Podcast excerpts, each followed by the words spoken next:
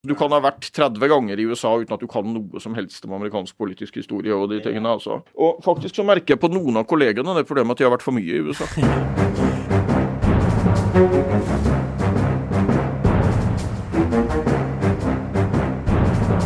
Veldig bra. veldig bra. Da setter vi i gang med en spesialepisode av Aftenpodden USA. Jeg vil si spesial av mange grunner. En av de er at jeg ikke er på Manhattan, sånn som jeg pleier. Øystein Langberg, altså, USA-korrespondent, men eh, på en snarere sitt til Oslo.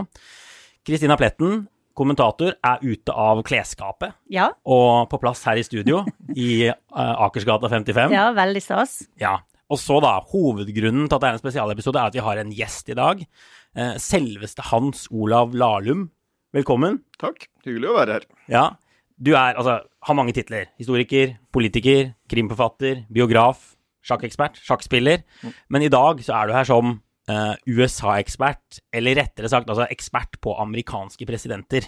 Ja, jeg vil ikke bruke tittelen USA-ekspert på meg selv, men den politiske delen av det, og den politiske historien til USA, og særlig historien om presidentene, Ja. kan jeg jo da ganske mye om, siden jeg har skrevet to bøker egentlig uh, om det. Så jeg, historiker og forfatter er jeg i dag. Ja, nemlig. Og så får folk, eh, Hvis folk vil legge noe vekt på det, så er jeg SV-politiker også, men jeg tror ikke det kommer til å merkes noe særlig på det. Vi får se når vi kommer Vi innom se, ja. en liten New Deal og sånn etter hvert her. Men altså, du skrev altså en bok om amerikanske presidenter i 2008, og da husker jeg jeg bet meg merke en ting, og du sa da at du uh, aldri hadde vært i USA. Ja. Og et fast spørsmål når vi er gjester på den poden, er på en måte hva er ditt forhold til USA? Har du vært steder i USA? Hvordan, er, hvordan står ting seg i dag? Altså, har du vært der nå? Jeg har vært i USA flere ganger senere. Jeg har vært på besøk i Michigan og lagd TV-reportasje. Jeg har vært Ja. i California på litteraturfestival. Men jeg kan ikke si at de besøkene jeg har hatt i USA har gjort noen nevneverdig forskjell på min kompetanse på det emnet her. Eh, Jeg har lyst til å henlede oppmerksomheten her på en gruppe som er veldig irriterende i debatten i så måte, og det er astronomene.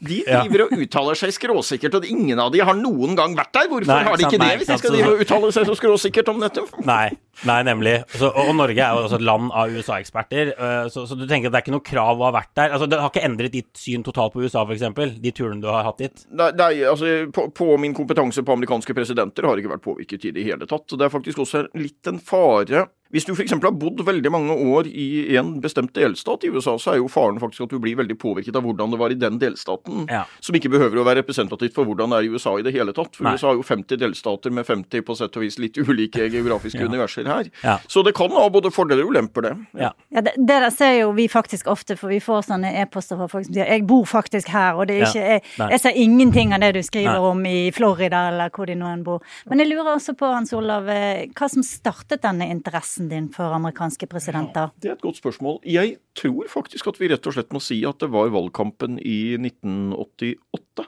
Eh, Da var jeg et ungt nerd, holdt jeg på å si. Jeg var ungdomsskoleelev. Eh, Jeg var eh, 15 år gammel da valget ble holdt, da, siden jeg har bursdag på høsten.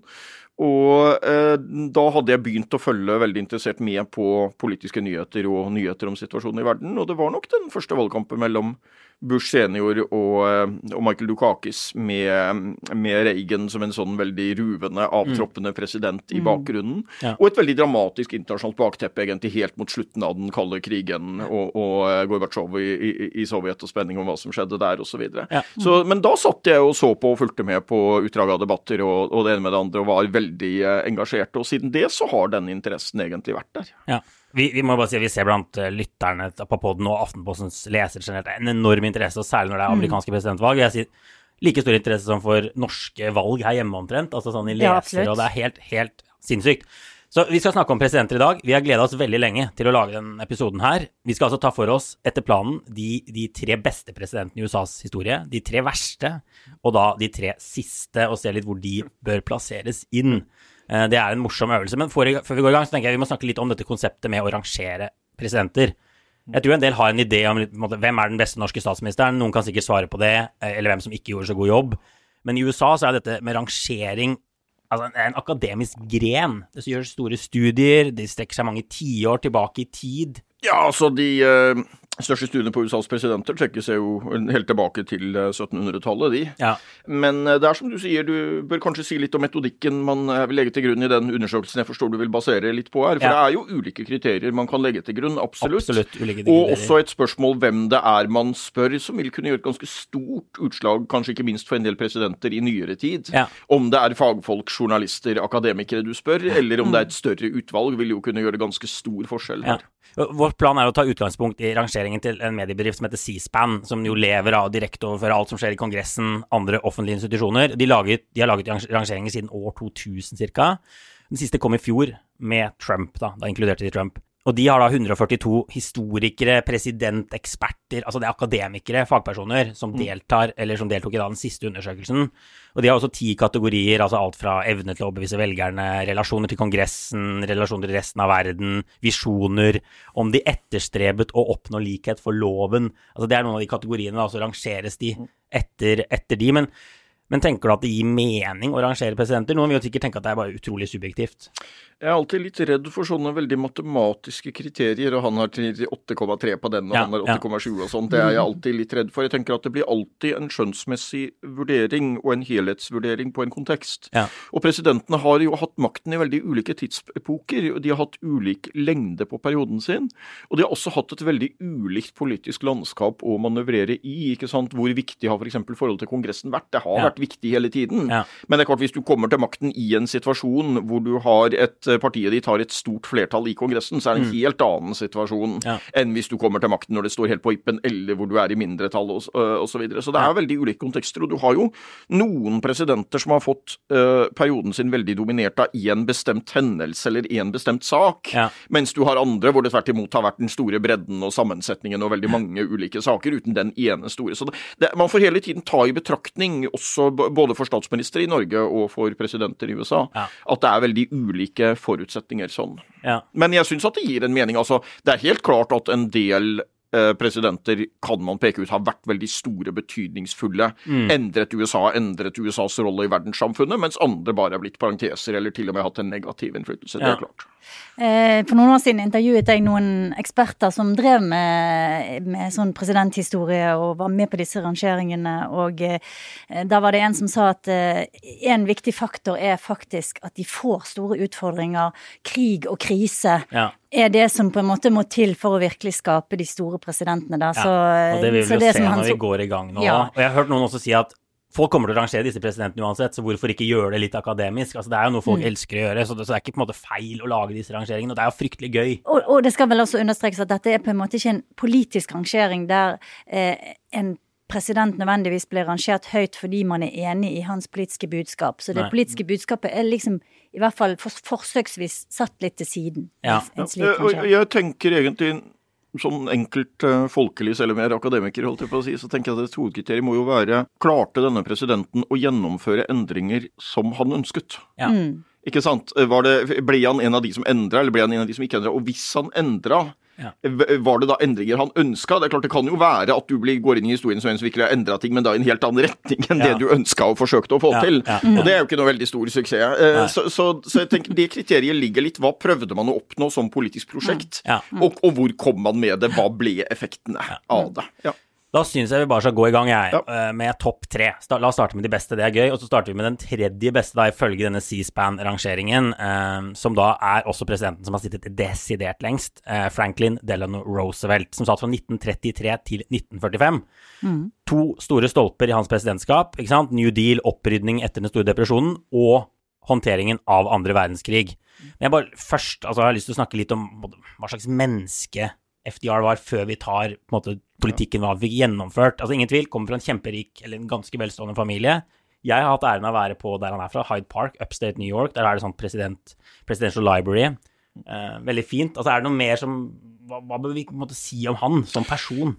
Han er jo en sammensatt person, og man, av og til så sier man jo idealist eller maktmenneske, og i tilfelle amerikanske presidenter så er svaret veldig ofte, særlig på de store presidentene, at de var begge deler. Ja. Det var han. Han var, hadde helt klart en del positive idealistiske visjoner. Foretar en ganske stor venstre dreining av amerikansk politikk og hele tenkningen liksom, rundt dette. Det gjelder særlig New Deal, krisebekjempelsen, ideen om at staten og det offentlige skulle gå aktivt inn for å hjelpe eh, ofrene, Ja. og eh, også dette litt sånn keynesianske innslaget å få hjulene i gang i økonomien og sånt, som var ganske banebrytende i USA. Og så har han en del litt ufordragelige menneskelige sider. Han er en beinhard maktpolitiker, kan være veldig tøff. Han bytter jo visepresident stadig vekk, fordi han Ja. hele tida begynner å mistenke visepresidentene for å konspirere mot han. Han Bittert brudd med den første visepresidenten. Eh, Han har en del sånne, og så har han en tankevekkende menneskelig historie som er verdt å huske, for han kommer jo fra veldig privilegerte kår, og var jo egentlig en sånn litt sånn plassert rikmannssønn. Men den opplevelsen han hadde med at han fikk polio, Ja. og at han jo faktisk delvis var funksjonshemmet gjennom perioden sin som president, selv om han jo skjulte det mye for eh, deres kolleger den gangen, så er jo det en veldig spesiell greie. Han har en del sånne tankevekkende sitater. på det En av de var hvor han sa at når du har ligget i senga strak ut i et år, og prøvd å bevege på tærne dine og ikke klart det, Ja. Så er det klart at du har noen nye perspektiver når du kommer på beina, og, og en litt sånn på en måte en optimisme også, Ja. eh, da. Eh, og han er en slags ukuelig optimist, altså. Fra perioden hvor han får polio, eh, kommer opp i en veldig vanskelig periode, vanskelig å nå frem i eget parti og bli president, klarer det, eh, president i en veldig krevende epoke, møte med andre verdenskrig. Jeg tror Lyndby Johnson sa en gang om Franklin Roosevelt at han var det eneste mennesket jeg møtte som aldri var redd. Ja. Eh, og det tror jeg er et litt tankevekkende sitat, fordi jeg tror på en måte at han hadde brent ut frykten, eller hva du vil si, i forbindelse med den poliosituasjonen, Ja. hvor mange trodde han skulle dø eller bli fullstendig lamma. Ja. Og så var han kom, den kom helt ut av det blå midt i livet hans. Han var jo Ja. en ung, sprek fyr, veldig Ja. aktiv, og så bare over natta får han polio og kan ikke gå resten av livet. Som et, ja, Ja, han, han sinnssykt. eh, halter jo mye rundt, og, og hvis du ser bilder hvor han går, så må du ikke la deg lure fra presidentperioden, for da har han, eh, da har han stålstenger i buksebeina, og så har han tau i, i, i armene til begge de to han går ved siden av. Ja. Men en formidabel vilje, og helt klart en veldig stor president. Jeg vil faktisk ha ham enda litt høyere på totallista, men som vi kommer tilbake til, det er jo én fra 1700-tallet, én fra 1800-tallet og én fra 1900-tallet. Ja. At Franklin Roosevelt er den største presidenten fra 1900-tallet, er det bare noen veldig hardbarka republikanere, egentlig, som, som ikke mener. Ja. Så det er jo ja, det er jo kommet litt av Reagan er jo kommet som en utfordring som er den veldig mange republikanere egentlig vil kjøre frem som motkandidaten. Men Franklin Roosevelts ø, ø, posisjon er veldig, veldig sterk. Og alle de senere presidentene gjennom hele den kalde krigen og alt dette går jo egentlig i fotsporene hans. Det er jo skrevet egne bøker om hvordan han påvirket de andre presidentene. Ja. Og en liten sånn fun fact, Ronald Reagan stemte jo da for Franklin Roosevelt. Ja. Ja, Eh, Reagan, eh, De første valgene han hadde som velger, når vi er tilbake på 30-tallet, så stemte han for, eh, stemte han for Franklin Roosevelt på 30-40-tallet. Ja. Og jeg tenker hvis, hvis liksom hele verden skulle rangere amerikanske presidenter, Ja. så tror jeg at Roosevelt vil være den desidert viktigste. Altså han ledet USA inn i landets desiderte storhetsperiode i disse her etterkrigstidårene. Mm. Han la grunnlaget for det. Han la grunnlaget for den moderne velferdsstaten med New Deal. Han har betydd utrolig mye, ikke bare for USA, men også for Europa. Så jeg tenker at hvis man liksom Kanskje om noen hundre år, da, eh, så vil han tre frem som en enda viktigere president, og er enig med Hans Olav at Ja. han burde vært kanskje Enda et høyere opp. Men igjen, ikke sant, det kommer litt an på kriteriene. Og eh, for amerikanerne og for, eh, for liksom USA som land, Mm. så, så er, er kanskje kriteriene litt annerledes enn hvis man skal se på eh, sånn total, da. Ja. Jeg, jeg har lyst til å nevne en ting til med han som er litt undervurdert. Eh, og det var noen tilbakeslag langs veien. altså Han hadde noen slag med Høyesterett han tapte, og, og, og det var noen litt suspekte eh, inspirasjoner for deler av disse New Deal-tiltakene, og, og ble fordømt som uamerikanske, og det ene med det andre. og eh, det er klart, etter vår tids altså Han, han fremheves ofte som en av de som bedra situasjonen til de ikke-hvite velgerne i USA. Ja. Men det er klart, hvis du ser på vår tid og holdninger til det, så var det jo samtidig begrensa hva han gjorde der. da. Han var jo en, eh, han var jo en tidvis kynisk eh, realpolitiker sånn. Ja, det var Men- ikke noen revolusjon i, i svartes rettigheter i sør. eh, Borger, borgerrettigheter og disse type tingene lå jo i bakgrunnen. Og det er noen, noen, noen Ja. stygge eksempler fra andre verdenskrig med internering av uh, Ja, og, og det asiatiske amerikanere og Ja, ja, så han har noen, det er noen skikkelig riper i lakken. ja, og den behandlingen av de uh, japanske etter det i Mm. USA under andre verdenskrig er en av de store ankepunktene mot han, hvordan han så å si kunne gjennomføre og akseptere det. Så det fins noen sånne. Jesse Owens, den svarte sprinteren som vant fire OL-gull i 1936, der gikk bildene verden rundt fordi Adolf Hitler angivelig nektet å ta han i hånda fordi han var svart. Mm.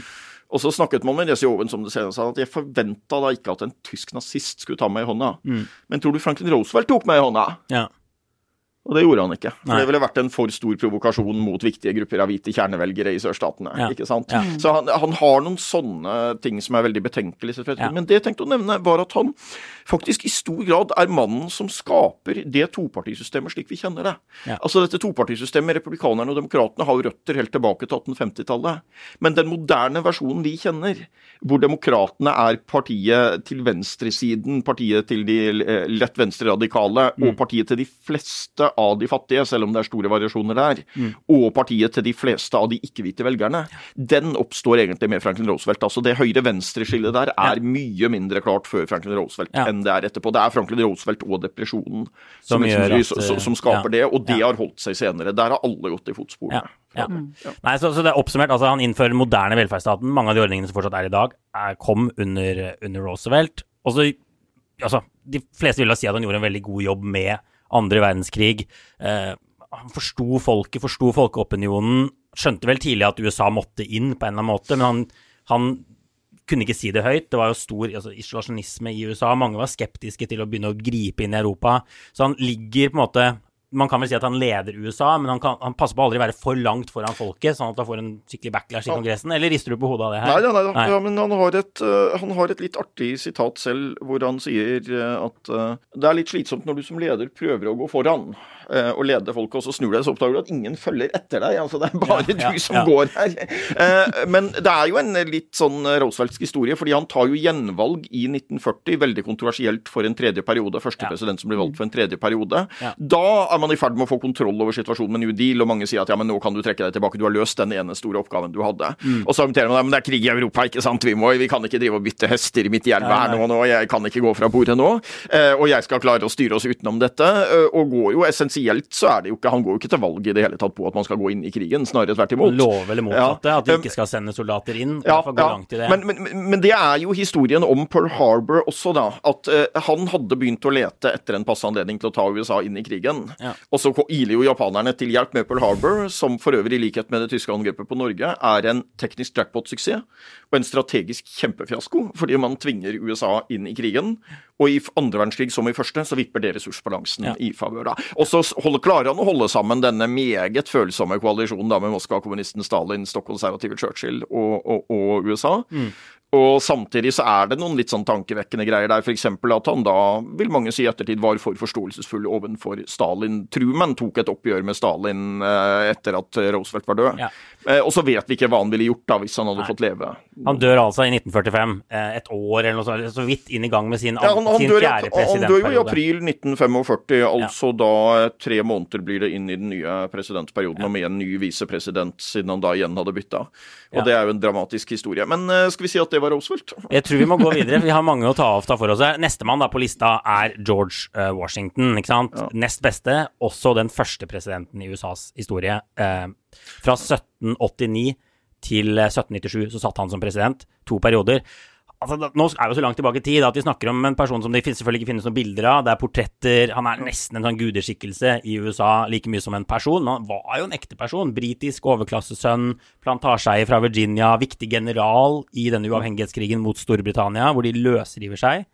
Nasjonal helt. Og han vinner jo egentlig det første presidentvalget i USAs historie på walkover. Han har ingen utfordrer. Han får vel Alle stemmer vel for han. Det er vel faktisk sånn det er. Ja, han har en unik posisjon der, ja. Eh, og han kunne også blitt gjenvalgt ytterligere for en tredje periode hvis han hadde ønsket det. Ja. Men han valgte da selv å si at vi er noe annet enn disse arvelige monarkiene i Europa. Vi skal, Makten skal gå på omgang. Ingen bør sitte mer enn åtte år. Mm. Ja. Og det holdt jo fram til den forrige presidenten vi snakka om, Franklin Ja, Roosevelt. som var første som brøt Ja, det. så Washington han ønska primært og oppfattet seg selv, hadde identitet om han vil, som general. Ja. Altså Det var det han primært ville være, det han så på seg som. Og han var litt sånn litt grann motstrebende til hele dette med presidentvervet og, og dette. Men han er viktigere som politiker, vil jeg mene, enn som general. Selv om det flyter jo litt sammen i hans tilfelle, da. Ja, men bare si På disse rangeringene så rangerer de hvordan de gjorde det som president, og de Ja. prøver å se bort fra at han var en helt fra uavhengighetskrigen og sånn. Så, så vi må snakke litt om hva han gjorde som president. Ja. Han, han la jo veldig mye liksom, føringer for hvordan senere presidenter skulle oppføre seg, blant annet, Ja. som er viktig. Han har, jo, han har jo to uh, bud, så å si, i sin, sin arv til ettertiden som han begrunner det med når han går. og det ene, eller Han sier da det ene er det at ingen bør sitte mer enn åtte år. Det setter jeg nå en presedens på, som jo da blir stående veldig lenge. Mm. Og det andre som også ble stående veldig lenge, og som kanskje er mer omdiskutert for ettertiden, er jo at han da også sa at uh, når det gjelder de gamle stormaktene i Europa og de arvelige monarkiene der, så bør vi ha mest mulig handel og minst mulig annen kontakt med de. Ja. Så han blir jo også en slags foregangsmann for det du snakket om isolasjonismen og det, at USA veldig lenge på en måte var seg selv nok i verdenssamfunnet og var ja, litt tilbakeholdent. Og den arven kan også trekkes litt tilbake der. Men det er jo en veldig skjør konstruksjon, dette USA han eh, kommer til eh, makten i. Og det er egentlig kamp, den politiske kampen for overlevelsen etter at man har vunnet den militære kampen, som står i fokus. Ja. Og at han må manøvrere veldig forsiktig med forholdet til eh, stormaktene. Og det er jo da Storbritannia som direkte er en trussel. Så har du Frankrike, hvor det har skjedd veldig dramatiske ting med, eller skjer dramatiske ting da, med den franske revolusjonen osv. Så, videre. så det er et mm. krevende internasjonalt landskap han ja. uh, balanserer i. Så han får vel delvis æren for å ha holdt USA sammen i en ekstremt skjør tid. For dette kunne gått i oppløsning. Det er jo eksempler på at, mange eksempler på at man har borgerkriger, eller til og med kriger, oppretter nye stater, og så bare rakner i løpet av noen år. Og det kan jo fortsatt gå i oppløsning. Ja, men, eh, men jeg, jeg, tenker jo at du nevner den franske revolusjonen, og det er ganske interessant fordi at, som du sier, Washington var en, en overklassesønn. Eh, han var eh, Han satte jo en standard for USA som også var ganske langt fra det som rørte seg i Europa, spesielt i Frankrike, ikke sant. Ja. Og den arven Han var slaveeier. Eh, han hadde et sett av verdier som kanskje nå begynner å bli litt utfordret med disse her nye blikkene på amerikansk historie som har kommet frem de siste årene. Ja. Eh, men så sier du som riktig er, han er nesten blitt oppfattet som en gudeskikkelse, så det er nesten litt sånn blasfemisk å begynne å Pirke i slave, slaveholdet hans. Og, pirke ja. i det glansbildet, ikke sant. Men her ligger jo noe her eh, med denne her eh, veldig konservative overklasse arven som mange av de første presidentene og founding fathers hadde med seg og tviholdt på veldig lenge. Mm. Og som kanskje også var en foranledning til både borgerkrigen, men også det som de liksom har tatt med seg av splittelse egentlig helt frem til våre dager. Ja. Washington var for øvrig ikke den store intellektuelle kraften, om man skal si det sånn. Det var det andre som var. Altså, Skrev ikke Grunnloven, f.eks.? Ja, det, det gjorde han ikke. Altså, det, det var jo andre. Det var jo Thomas Jefferson og og til dels Madison. altså de, de, to var jo den største intellektuelle kraften. og John Adams, eh, etterfølgeren, var jo på sett og vis den ledende juristen og diplomaten blant denne gruppa. Ja. Men Washington hadde en litt sånn, sånn flammen på revolusjonskampen, eller hva du vil kalle den, i USA. altså Først den militære lederrollen, ja. og så en veldig praktiker. Ja. Og, og, han blir jo en betydelig president. altså Han skaper i stor grad et presidentembete og, og noen rammer for det og, og så videre som, som blir stående. Så helt klart betydelig, men vanskelig å sammenligne med de mm. senere. Altså. Ja, for bare, for å ta med noen stikkord til slutt her. altså Grunnlag nasjonalbank, eh, ja. føderal retten til å ta inn skatter, de garanterte for delstatenes lån. Jeg jo er stor fan av Hamilton-musikalen. Ja. De var jo et tospann, han og, og Washington. Mm. Altså En av de fineste sangene i den, uh, i den musikalen er jo hvor George Washington uh, synger at I will teach them how to say goodbye. Altså gi seg etter to perioder. George Washington han hadde jo så stor respekt at han kanskje nærmest kunne blitt en eneveldig konge, eller i hvert fall forsøkt seg på det. Altså, han var veldig bevisst på at han ikke ville bli det, og han hadde ikke noen sønn. Det er også Nei. en faktor som spiller inn, som man kan lure på. Men det skjedde jo det, da, at det som skjedde, var jo at det var den gruppen av founding fathers, eller hva man vil kalle de. så man, man, fortsatte jo å velge en av de så lenge man hadde noen som var brukbare. Ja. Man begynte med Washington, og så gikk man jo liksom nedover lista. Og de fem første presidentene var jo alle folk som hadde spilt en sentral rolle i uavhengighetskampen på, eh, på ulike måter, mm, ja. rett og slett. Og så eh, Og det er jo litt tankevekkende, du var inne på dette med Virginia og slaveeierne og det. Fire av de fem første presidentene kommer jo da fra den delstaten Washington var fra, Virginia. Mm. Mm. Så det var jo en sånn slaveeiende aristokratisk eh, gruppe, egentlig. Og ja. det er det klart det er en del å si om i ettertid. Nå var ikke Washington tror jeg, det mest ekstreme eksempelet, men han Nei, var jo veldig rik. Han satte vel slavene sine fri til slutt, og det ja. var det jo ikke alle som gjorde, som kanskje redder han litt for ettertiden, uten at det redder alt. Men så det sier kanskje noe om at han var litt, så litt skeptisk på slaveriet, da. Ja, men det, det ligger, men, en, det ligger en tvetydighet her, ikke sant, i dette her at de snakker om folket og og, men, men, så handler det egentlig om overklassen Ja. i veldig mange tiår fremover. Men, men de har en, en retorikk som er at liksom dette er et land for, for, for alle menn og, og, og liksom folkets nasjon, ikke sant. Men, men det ligger en tvetydighet i det, innbakt i det, som, som jeg tror USA har strevd med eh, helt siden eh, første dag. Han- han selv eh, anså jo at det var en overlevelseskamp. Han hadde noen spådommer om at, om at USA i den formen det hadde bare kommet til å bestå noen få tiår. Eh, at det var både trusselen fra stormakter og en intern splittelse som kom opp, som vi skal huske whiskyopprøret og det ene med det andre som Ja. kom opp i denne perioden, som jo da typisk kommer opp, da, interne motsetningene når man har oppnådd å få en eh, egen nasjon. Og bli, Det er en perfekt overgang til Ja. nestemann. Intern splittelse. Abraham Lincoln er rangert igjen og igjen som den største presidenten i USAs historie på veldig veldig veldig mange av disse rangeringene. Eh, nesten uansett hvem som står bak. Of, ofte, da. Sitter fra 1861 til 1865. Overskriften er, ikke sant, USA. Altså, han vinner, han leder eh, nordstatene, vinner borgerkrigen, avskaffer slaveriet. Det er på en måte det folk på gata i USA kan si. Og som du også skriver i boka di, utrolig mange nyanser som ligger under her om Abraham Lincoln, f.eks. på slaveriet. Eh, han ble aldri valgt på en plattform om å avskaffe slaveriet. Han var veldig pragmatisk når det gjaldt slaveri. Han var villig til å la sjøstatene sine beholde slavene hvis de avsluttet krigen. Og aller mest opptatt av å beholde unionen sammen. ikke sant? Man kan gå tilbake og finne ting som definitivt oppfattes rasistisk i dag, som Lincoln sa om, om svarte amerikanere. Ja, Hvis du ser på en del ting han sa, kanskje særlig på nær slags valgmøter og debatter når han var skjør i landet, så sa han en del ting som absolutt ikke egner seg særlig godt for vår tid.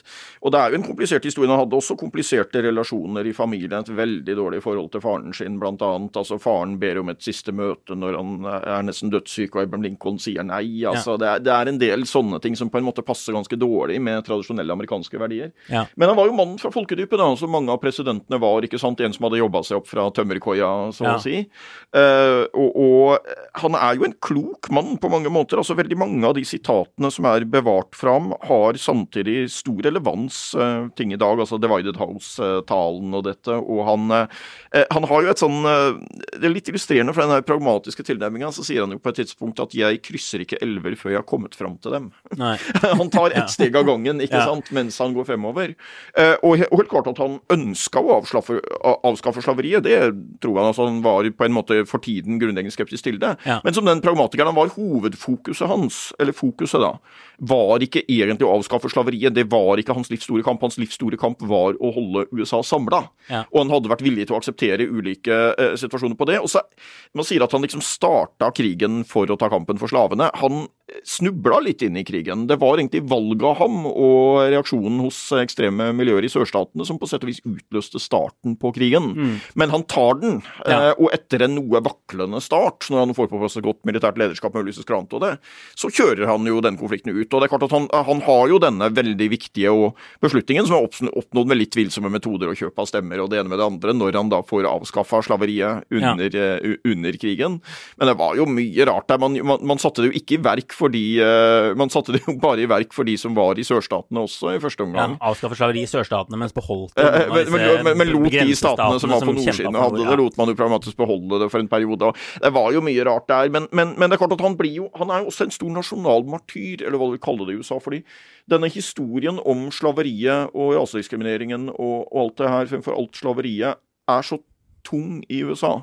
At han blir liksom redningsmannen som redder landet etter en veldig vanskelig periode, en veldig eh, konfliktfylt periode, både med å ta konflikten, holde landet samla og avskaffe slaveriet. Så sånn sett så er han en redningsmann, og så blir han en nasjonalmartyr fordi han faller, i likhet med Kennedy nesten 100 år senere, så Ja. faller han liksom akkurat på toppen. Ja, og han blir drept og eh, får en veldig sterk ja. sympati fordi han blir drept av en politisk motstander, ikke sant. Så han er stor for all del, men jeg syns at bildet av han ofte tegnes i litt vel sånn panegyriske uh, formuleringer, og at det er litt for stor grad et Så han hører ikke hjemme på toppen. Ville du plassert noen andre på toppen? Ja, jeg, jeg tror faktisk at jeg ville snu litt på rekkefølgen her og ha Franklin Roosevelt foran Washington, foran, øh, foran Lincoln. Men jeg er helt enig i at det er de tre. altså Det er den Ja. store fra 17-, 18- og 19-tallet. Det er det. Jeg er helt enig. Eh, men jeg tror, eh, som, eh, som Hans Olav sier, at dette her med mytologien rundt Lincoln er utrolig viktig. Ja. Eh, han sitter ikke sant, i et sånt svært monument i Washington. Eh, og han eh, Jeg var i Gettysburg for noen år siden, der det et av de aller største slagene under borgerkrigen sto. Mm. Og der kommer jo amerikanske skoleklasser. Og så tilbringer de en hel dag og går rundt på disse slagmarkene og får liksom fortalt historien detaljert om alt som skjedde, og de forskjellige personene og strategi.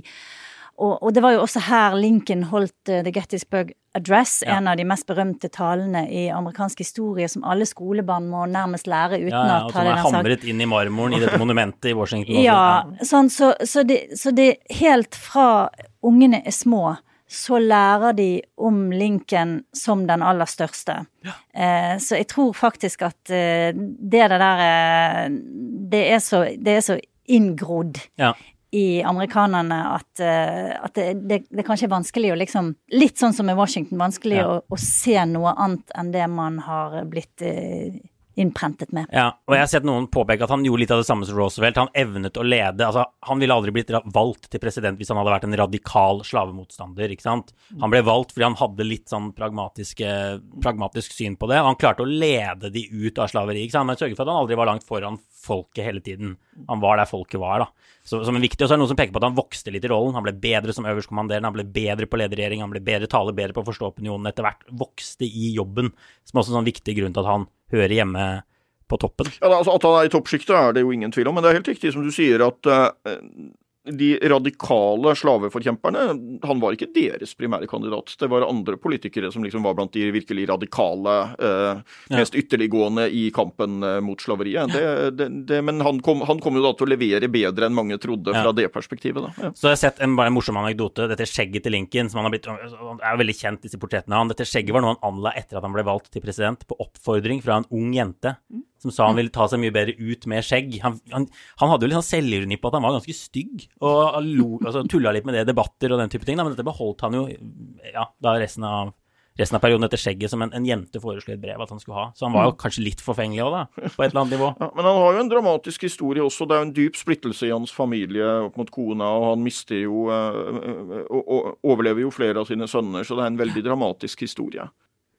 La oss bevege oss da til bunn tre. Eh, her er det vesentlig mindre kjente navn, eh, av naturlige grunner. De blir jo ikke så mange skoler oppkalt etter disse folka her. Eh, og det, er ikke, det er ikke så mange som drar til presidentbiblioteker og museer og sånn. Og ingen av disse da fikk Alle de vi har snakket om før her, ble jo gjenvalgt. Ingen av de vi har snakket om nå, fikk en periode to, som jo er litt sånn avgjørende. Den tredje verste historien er Franklin Pierce, som da ligger på 42.-plass på denne rangeringen. Eh, 1853 til 1857. Bare for å tegne bildet, da. Um, vi snakker en mann med en veldig trist personlig historie, som i tillegg så spilte han en, en veldig sånn fatal rolle i opptakten til, eh, til borgerkrigen. Han tar over et USA der gnisningene over slaverispørsmålet begynner å bli enormt store. De trenger en sterk leder som kan finne kompromisser, samle landet. Pierce var ikke den mannen, kan vel si ganske klart. Ja, det var en trist historie. Men det er litt iøynefallende at hvis du ser på hvis du ser på når man tidsmessig finner de som ofte blir rangert nederst i USA, det er jo litt ulike målinger her også, Ja. så er veldig ofte de tre presidentene før Lincoln og de to etter ham Ja. er veldig ofte der. Ja. Så det er liksom en mørk periode i historien med Lincoln som det store lyset. Ja. Og kanskje så er de andre liksom blitt ytterligere falt i grunn av den ene store lyskasteren, liksom, hadde i kontrast til han, da. Mm. Men Franklin Pierce eh, er jo en, Han var en sjarmerende, hyggelig øh, Oppfattet som en litt karismatisk mann. Hadde et krigsheltstempel. Han hadde vært med i krigen mot Mexico og hadde vel en generaltittel øh, derfra. Kom fra New Hampshire, en uh, liten, men på sett og vis viktig delstat på, på det tidspunktet. Og det var jo både ut fra geografisk plassering og litt ulike ting, så tenker man at kanskje han kan være en sånn øh, kompromissbygger oppi dette. Men han har en helt tragisk historie hvor han overlever alle sine tre sønner, hvor den siste gjenlevende sønnen dør i en togulykke Ja. eh, i perioden like før han skal tiltre som president, altså etter valget. Ja. Kona, som var veldig sterkt religiøs, hadde vært veldig sterkt mot at han skulle stille til valg, og gråt av skuffelse da hun hørte at han var valgt. Ja. Og dette dødsfallet til sønnen tolket kona som en straff fra Gud, eh, så kona satt jo innelåst i Det hvite hus deler av presidentperioden.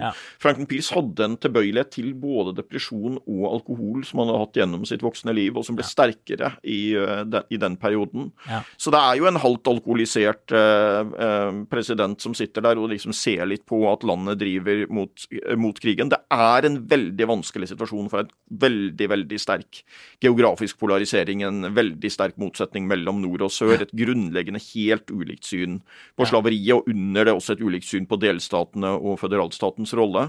Ja. Og Franklin Peace har ikke noe svar på det. Han blir bare sittende og dytte det foran seg. Ja. Og han fremstår i ettertid som at han var unnfallende mot slaveeierne og liksom bare aksepterte det. Så han, Og bare et lite apropos, du nevnte Mexicokrigen. og i, i disse årene før borgerkrigen eh, Det handlet ikke bare om slaveri, men det handlet jo også om å innlemme California, Texas og New Mexico i unionen. og Det var mye forhandlinger rundt det, og etter hvert et stort kompromiss man kom frem til. Eh, California ville komme inn som en ikke-slaveeiende stat, osv. Og, og eh, disse her er to presidentene som, eh, som satt før borgerkrigen, led vel av det at de ikke var gode nok til å ta tydelige valg. Ikke, ikke sterke nok ledere, som Hans Olav eh, skisserer her, ikke Ja. sant? Og klarte ikke det som kanskje Roosevelt klarte under andre verdenskrig, å, å være så kynisk og så eh, og, og hva var det du sa, en kombinasjon av maktmenneske og ja, er idealist og maktmenneske. Idealist, ja. Ja. Sånn at Ja. du klarer liksom å, å styre gjennom sånn utrolig vanskelige farvann som dette Men, her. men bare la oss, bare, bare oss var ingen av delene. Ja. Og verken noen stor idealist eller noen stort maktmenneske, og det er et minus. Ja. Men la oss ta den bare nest verste også, for disse henger jo litt sammen. Ja. Andrew Johnson på plass 43. Han er altså mannen som tar, opp, tar over etter at Lincoln er blitt skutt og drept. Han er altså av visepresidenten til Abraham Lincoln og var et sånn kompromissvalg. Altså Andrew Johnson representerte det mer slavevennlige, demokratiske partiet da, på den tiden. Ja, og, og Lincoln var republikaner. det er en helt var- unik situasjon at man velger da en visepresident som er demokrat for en republikansk president. Ja. Og bakgrunnen for det er krigen, at Andrew Johnson var demokrat, men hadde slutta lojalt opp om krigføringa, vært helt soleklar på sin støtte til nordstatene Ja, i han kjempa borgerkrigen. ikke for sør, han dro ikke hjem, han ble i. Washington DC, og var derfor en, en bra kandidat på papiret.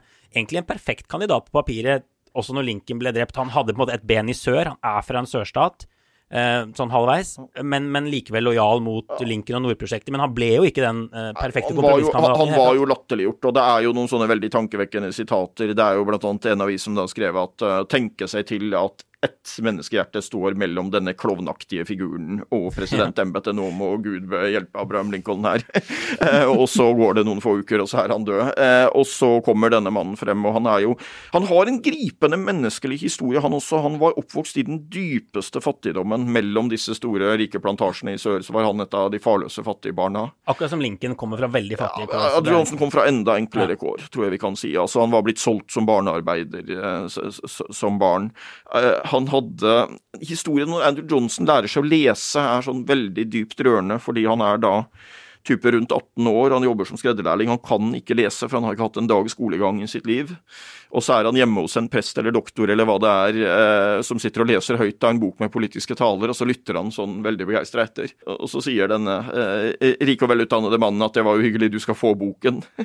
Han kan jo ikke lese boken, for han kan jo ikke lese. Eh, Men han prøver da, han husker da hva han hørte lest opp, spør han kan du merke av siden du leste opp. Og så går han hjem og så begynner han å rekonstruere at det der er en A, og det der er en B, og så Ja. Så, eh, så det er en veldig sånn dypt rørende menneskelig historie, men også med en del veldig stygge sider. Han var jo også, han kjøpte jo slaver, han. Ja. Altså, han, og, og, og, og, endte jo opp med altså Helt klart rasist sett fra vår tid. Ja. Han havnet jo i en veldig merkelig situasjon da og skulle hoppe etter Wirkola, så å si, og prøve å holde USA samla etter dette. Og, og han havna i krig med Kongressen veldig fort, fordi Kongressen hadde republikanerne et klart flertall. Og han var demokrat og satt i mindretall når krigen var over, og han fikk en ganske håpløs situasjon. Ja, vi får si det, for når vi skriver om riksrett Trump ble jo stilt for riksrett to ganger. Da er det alltid Andrew Johnson er jo det første eksempelet på en som ble stilt for riksrett. Og han er den presidenten som har også blitt klart nærmest å, å bli avsatt ved riksrett. Det var vel én stemme. Altså det var veldig, veldig veldig close, den avstemningen. Ja. Fordi som du sier, han, han røk uklar med flertall i Senatet. Det, Og, det var spenning helt fram til avstemninga. Altså sju republikanere måtte bryte ut og stemme med han. ja. Eh, og, og så begynner man å telle opp, og så er det nøyaktig sju, da, som reiser seg. Uh, men den delen av historien har han vel egentlig fått litt sympati på i ettertid, for jeg tror man er enig om at den riksrettssaken som ble reist mot han, Ja. var en veldig politisert og på mange måter urimelig riksrettssak. Altså Ja. Han hadde byttet ut statsråder som presidenter eh, hadde etablert rett til å gjøre. Også fordi han var så upopulær og hadde så dårlig forhold til Kongressen, og man ikke hadde tillit til han, så ville man liksom begrense retten hans til å bytte ut statsråder på en måte man ikke hadde gjort mot andre. Mm. Og det har han vel vel i ettertid fått en viss sympati for. Ja. Men det var en ganske nitrist presidentperiode ellers. Han mislyktes jo også med å bli renominert. Ja. Så det Og han var vel eh, siden Trump Han var vel den siste, første presidenten siden Trump som, eh, som ikke var der når, eh, når den nye presidenten ble innsatt. Jeg tror han red ut av Det hvite hus og var ikke til stede når eh, hans etterfølger Ja, ble det er litt ulike, men jeg tror det stemmer det. Ja. Det, er, det har vært litt ulike mm, definisjoner og litt sånn på det, men jeg Ja. tror det stemmer. Han var, nei, han var et veldig ampert forhold. Det var jo Ulysses Grant, krigshelten, som erstattet han også. Og, og han klarte ikke å, å, hindre at de svartes rettigheter i sør begynte å, falle fra hverandre litt. Og, Han, prøvde, han prøvde vel egentlig ikke. Han Nei. hadde ikke noe særlig sympati med de. Nei. så jeg tror det er riktig å si at han ikke prøvde på det, og i så måte så ble det jo veldig kontrast til Lincoln, og Andrew Ja. Johnson ble stående som et stort eh, Og, det, og den der arven der med dem, demokrater i sørstatene som, med litt sånn rasistiske tendenser, den varte jo helt frem til 50-60-tallet. Ja. Og mye av det man vant i borgerkrigen og trodde eh, man hadde oppnådd, egentlig raknet. Man hadde svarte representanter fra sør valgt inn i Kongressen etter, rett etter borgerkrigen, som bare forsvant, og så var det bare hvite. Og så, så fikk man borgerrettighetskampen 100 år senere, ikke sant. Ja, Nå var det jo ikke mye presidenter fra eh, sør i den perioden der, da. fordi det var jo en Ja. lang periode så var det utenkelig å velge det. Men han kom jo fra nær opp mot grenselinja, altså opp mot sør da. Mm. Og han har en sånn Men han har en sånn fascinerende Han, han ba om å bli begravet Han ble begravet i det amerikanske flagget, og med hodet i Grunnloven. Ja. og det var på en måte Andrew Johnsons eh, selvbilde, på en måte, at det var kampen om unionen.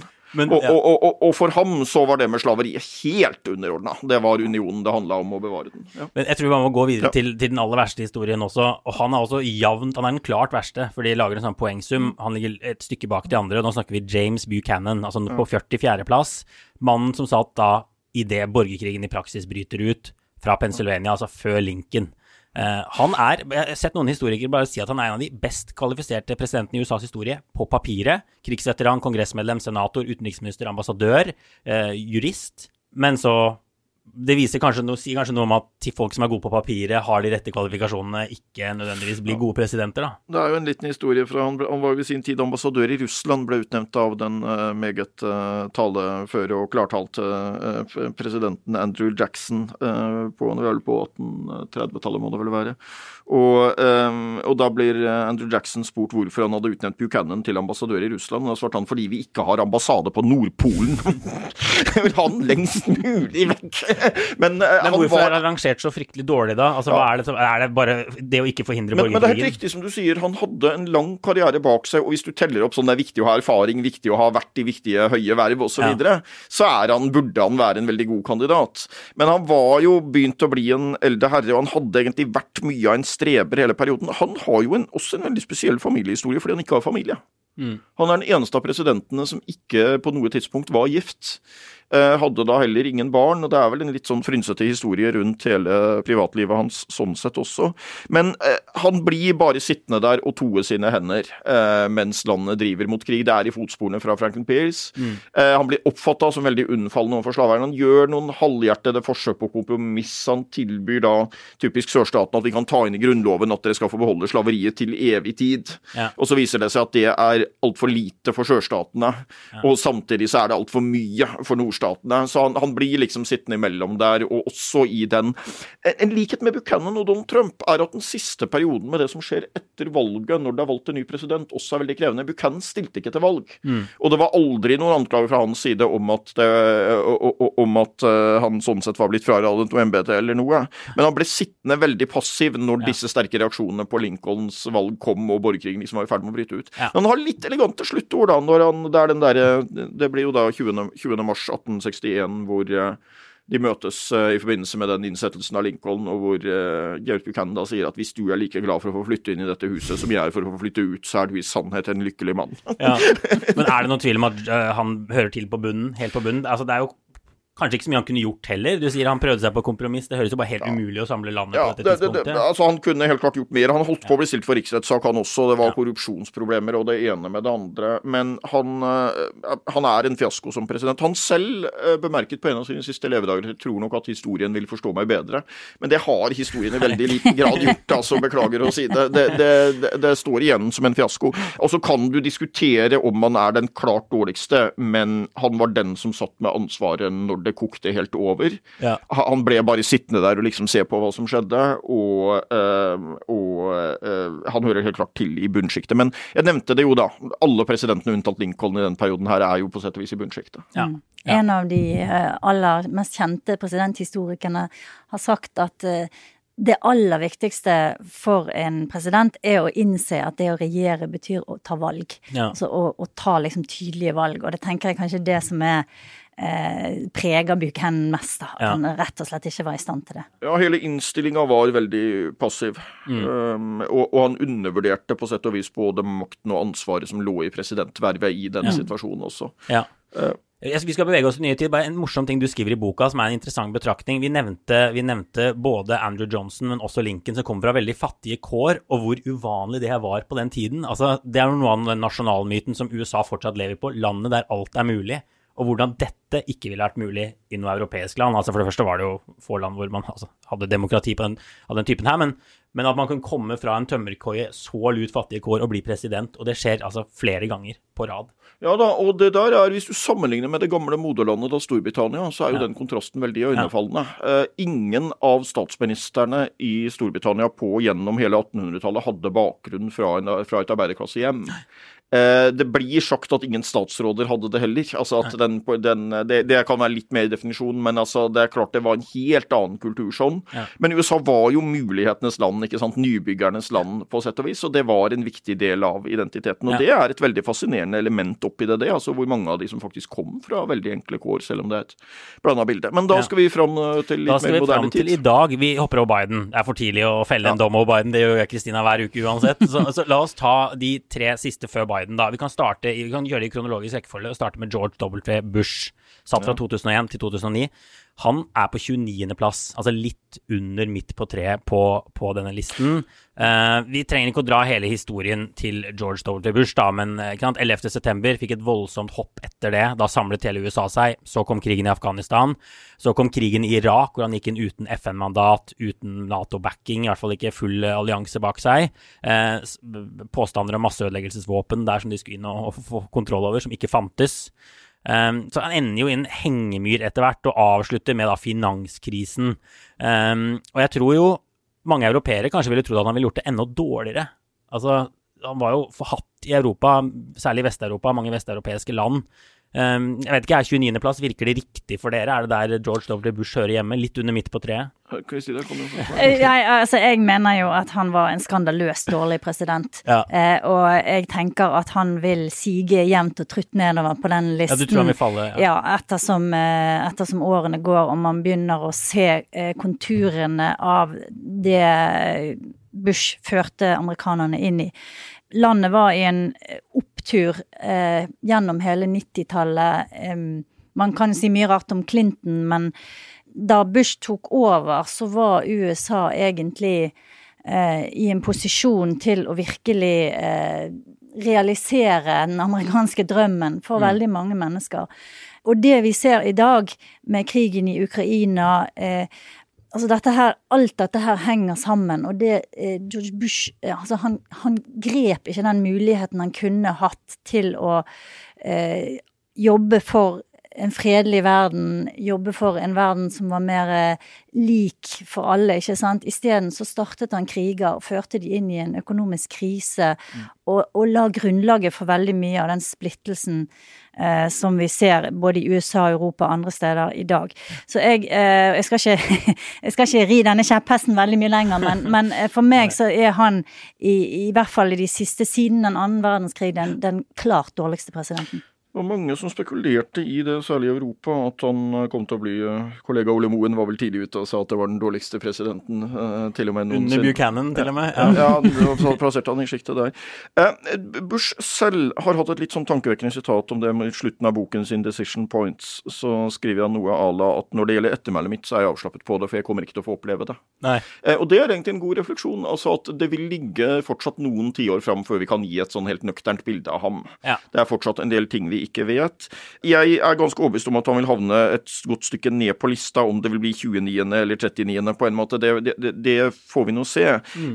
Det er en del altså Det starta jo med et veldig omstridt valg, da. Ja, denne, jeg hoppa over det. Ja, det var jo, der, ja. Som du kan si at var en krevende startpunkt på mange måter. Ja. Så tok han det egentlig sånn ganske rolig, forsiktig, men så kom 11. september, så kom det en voldsom akselerasjon på det. Han klarte midt oppi det hele å bli gjenvalgt, og det der valget i 2004, det er en litt fascinerende historie. For der var det mange som trodde at han skulle ryke. Han klarte seg med en god valgkamp mot mm. en ganske sterk motkandidat, vil jeg si. John Kerry. Som, uh, og uh, ikke så veldig bra i debattene, men alt i alt en bra valgkamp og bra mobilisering. Han, han lyktes veldig godt med mobiliseringen og tilpassa en ny tid med valg i ved både valget i 2000 og 2004. Mm. Han er den eneste republikaneren siden 1988 som har klart å få et flertall av stemmene i et presidentvalg. Ja. Mm. De som har vunnet ellers, har vunnet med et mindretall av stemmene. Han, han brukte jo kulturkrig ja. eh, for I å vinne 2004, det valget i 2004. Ja. Og, og, og, la også da på en måte grunnlaget for hele Tea Party-bevegelsen og Trump men, med det de gjorde da. Han fikk fram en ganske bred konservativ bevegelse som han red på fram til to valgseire. Og så ble slutten ble veldig krevende med finanskrisen og alt det her, og at det lyset som Irak etter hvert kom i. Så jeg er klart på den kritiske sida, men jeg vil være litt sånn djevelens advokat her og si at vi får se det an et tiår eller to til. Ja, jeg vil også være litt djevelens advokat. Man har sett litt forsøk på en oppreisning av Bush i den amerikanske amerikanske eliten, i hvert fall. Sammenligningen med Trump og sånn, og folk som liksom drømmer tilbake til Bush-årene. Kanskje 29 er der han ender opp. Jeg er ikke sikker på han kommer til å falle masse. Men, det er jo mye han har fremstått mer statsmannsaktig nå, da. Eh, ja. Også i, i, møte med Det er faktisk mulig at Trump gjør at Bush får et visst oppsving. Ja. ja men, men, ikke sant, det er noe her med at du kan være en hyggelig fyr og likevel en elendig president.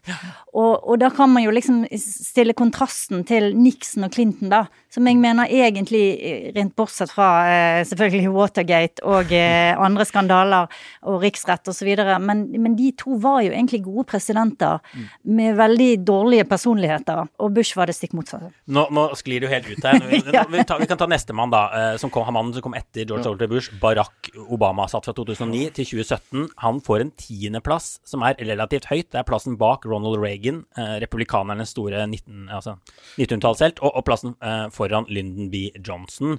Eh, som er klart best av presidenter, i hvert fall i, sånn, i min levetid, da, i nyere tid. Uh, første svarte president, ikke sant. Enorme talegaver, inspirerer velgerne med løfter om håp og endring. Vinner ganske solid seier, særlig det første, første valget. Obamacare viktig, får USA ut av finanskrisen viktig.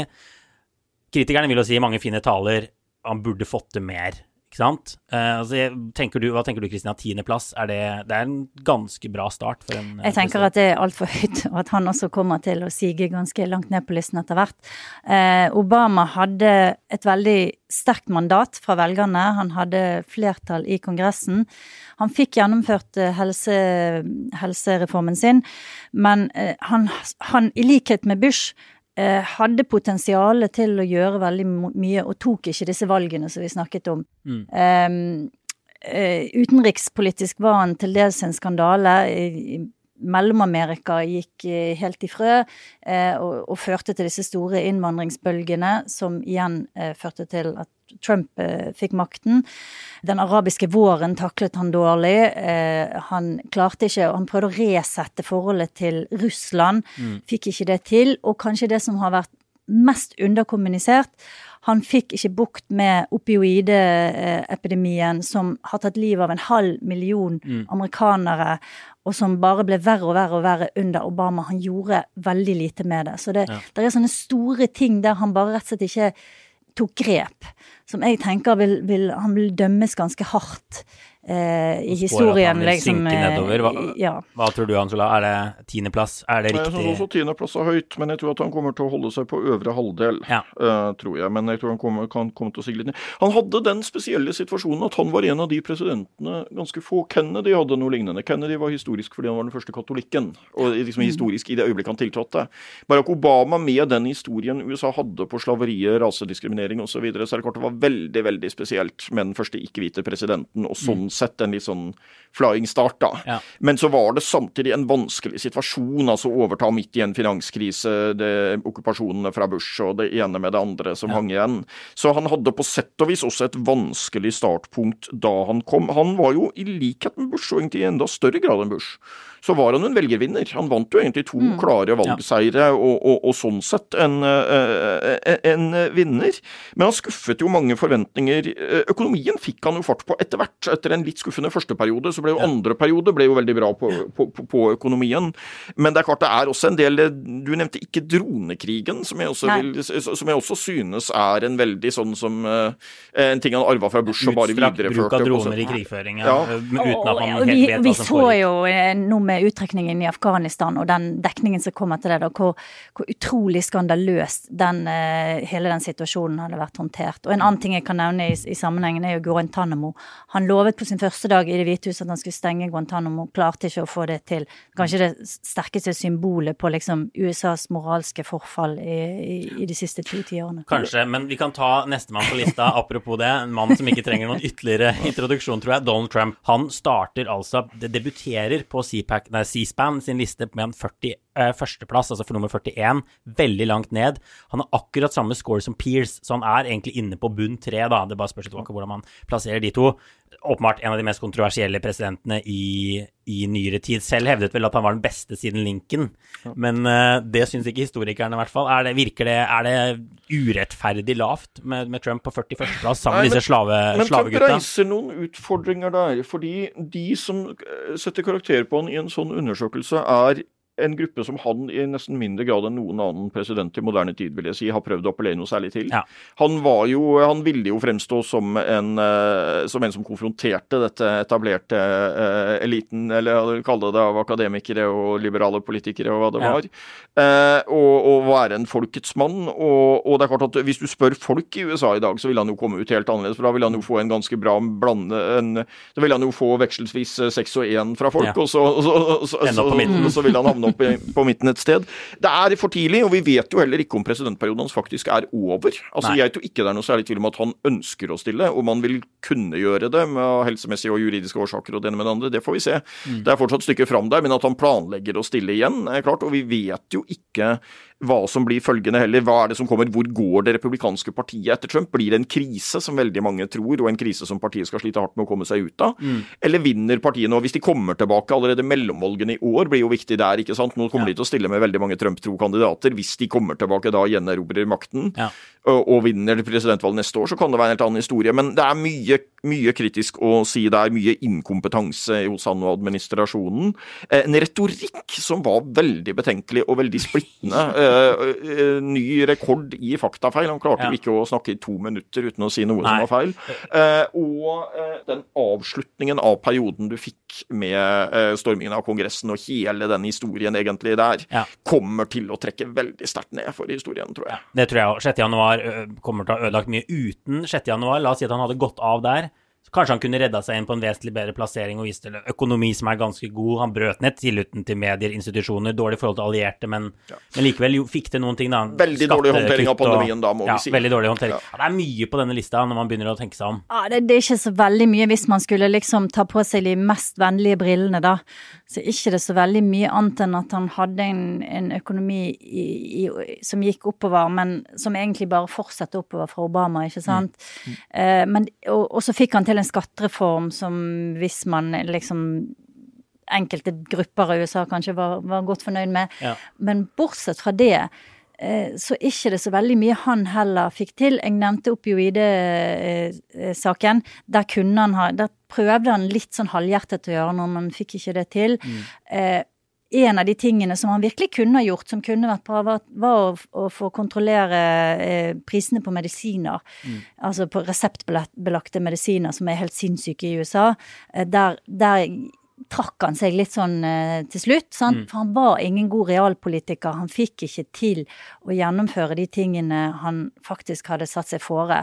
Så egentlig det han gjorde, var jo bare å rive ned. Det, det er egentlig vanskelig å finne veldig mye positivt som han fikk til. Ja. Noen trekker jo frem disse her eh, avtalene som fikk til i Midtøsten. da, freds- ja, hva heter det?